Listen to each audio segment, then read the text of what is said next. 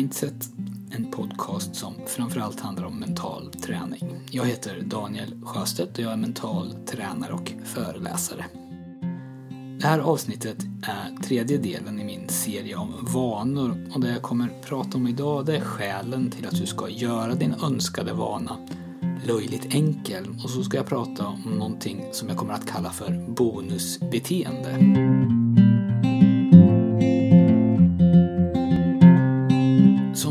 Kanske kommer ihåg från förra avsnittet så pratade jag om motivation och viljestyrka och jag sa att den som litar till motivation när en ny vana ska skapas riskerar att få problem eftersom motivation är flyktigt och den finns inte alltid där när man behöver den. Men det betyder ju inte att viljestyrka är den självklara lösningen. För om vi helt och hållet förlitar oss till det så måste vi ju se till att vi har tillräckligt mycket av det det vanan ska göra. Så om det är en vana som kräver mycket eller åtminstone en måttlig del viljestyrka så är ju risken stor att du inte kommer att göra det, åtminstone inte regelbundet. Och att göra din vana regelbundet är avgörande när den ska skapas.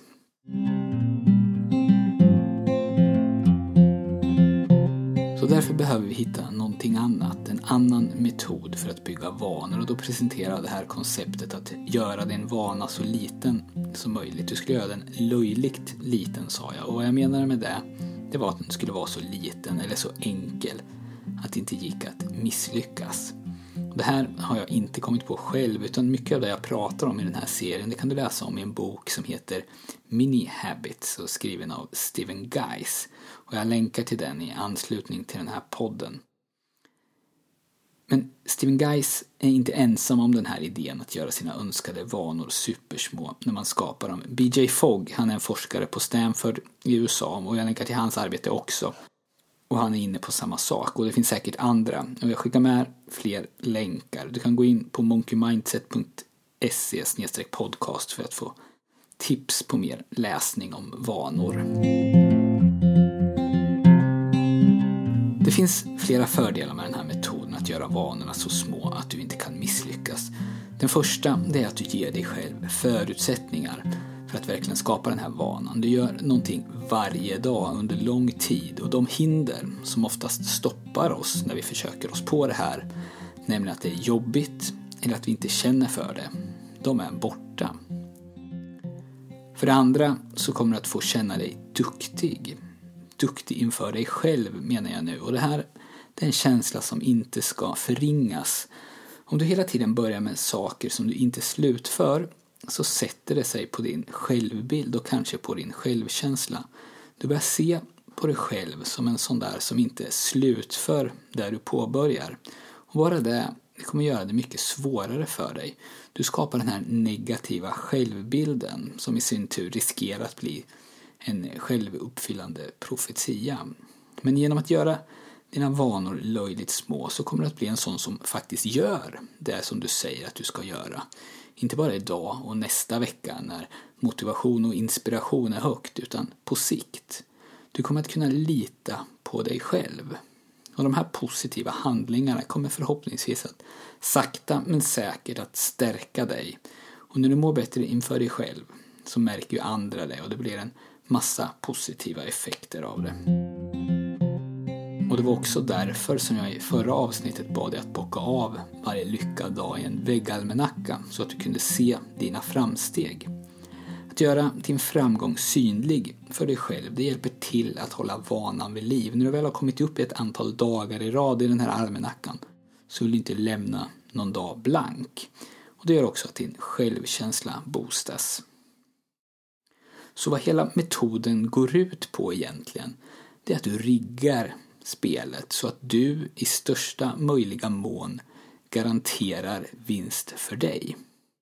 För den svåraste stunden i det här nya beteendet som du försöker skapa det är troligtvis inte mellan minut 5 och minut 6 eller armhävning 24 och armhävning 25.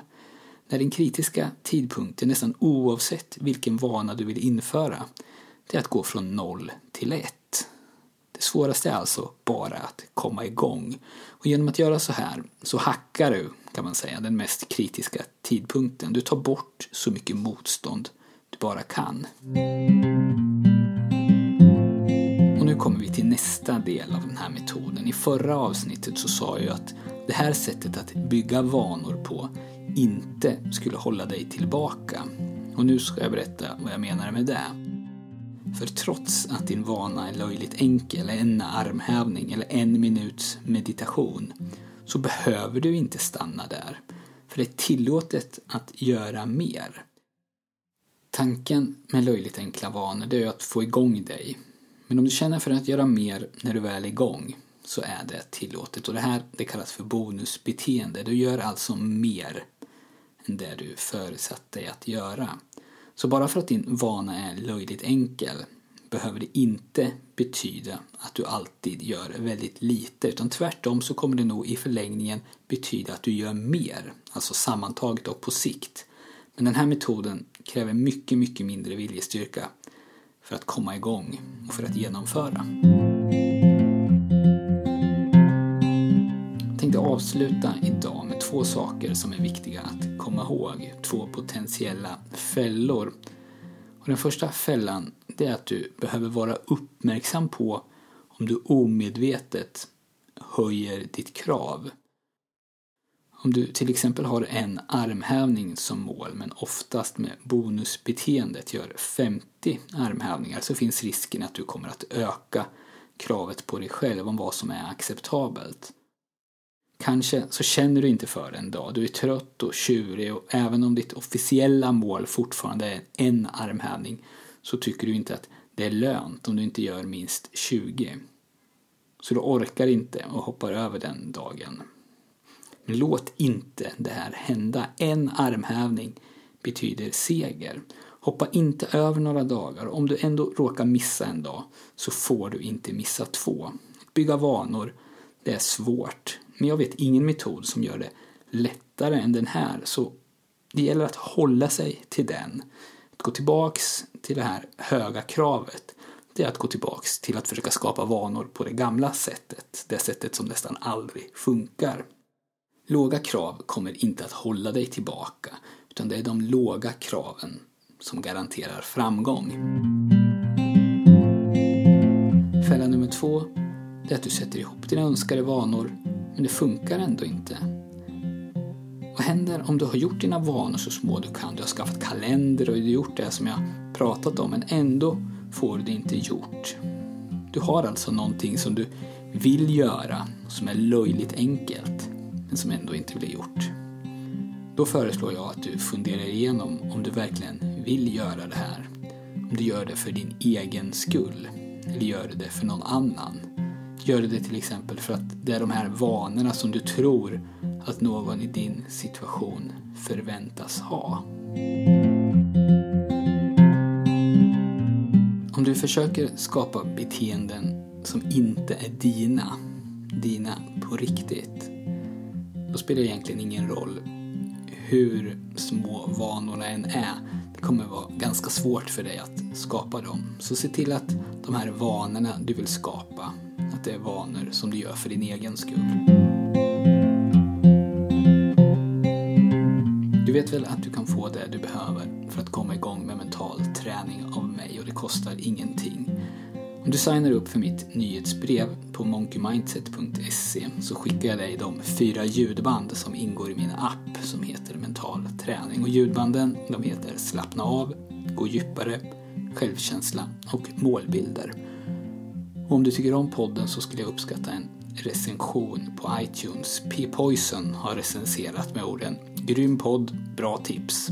Och Helhetsmats skriver har lyssnat på flera i genren. Daniel är kortfattad, vilket gör det lättare att lyssna på hela och väldigt tydlig. Både djup och vardag. Gillar. Tack så mycket till P. Poison och till Helhetsmats och tack också till alla er andra. Både ni som har recenserat och ni som mejlar med frågor, feedback och förslag på ämnen. Fortsätt gärna med det.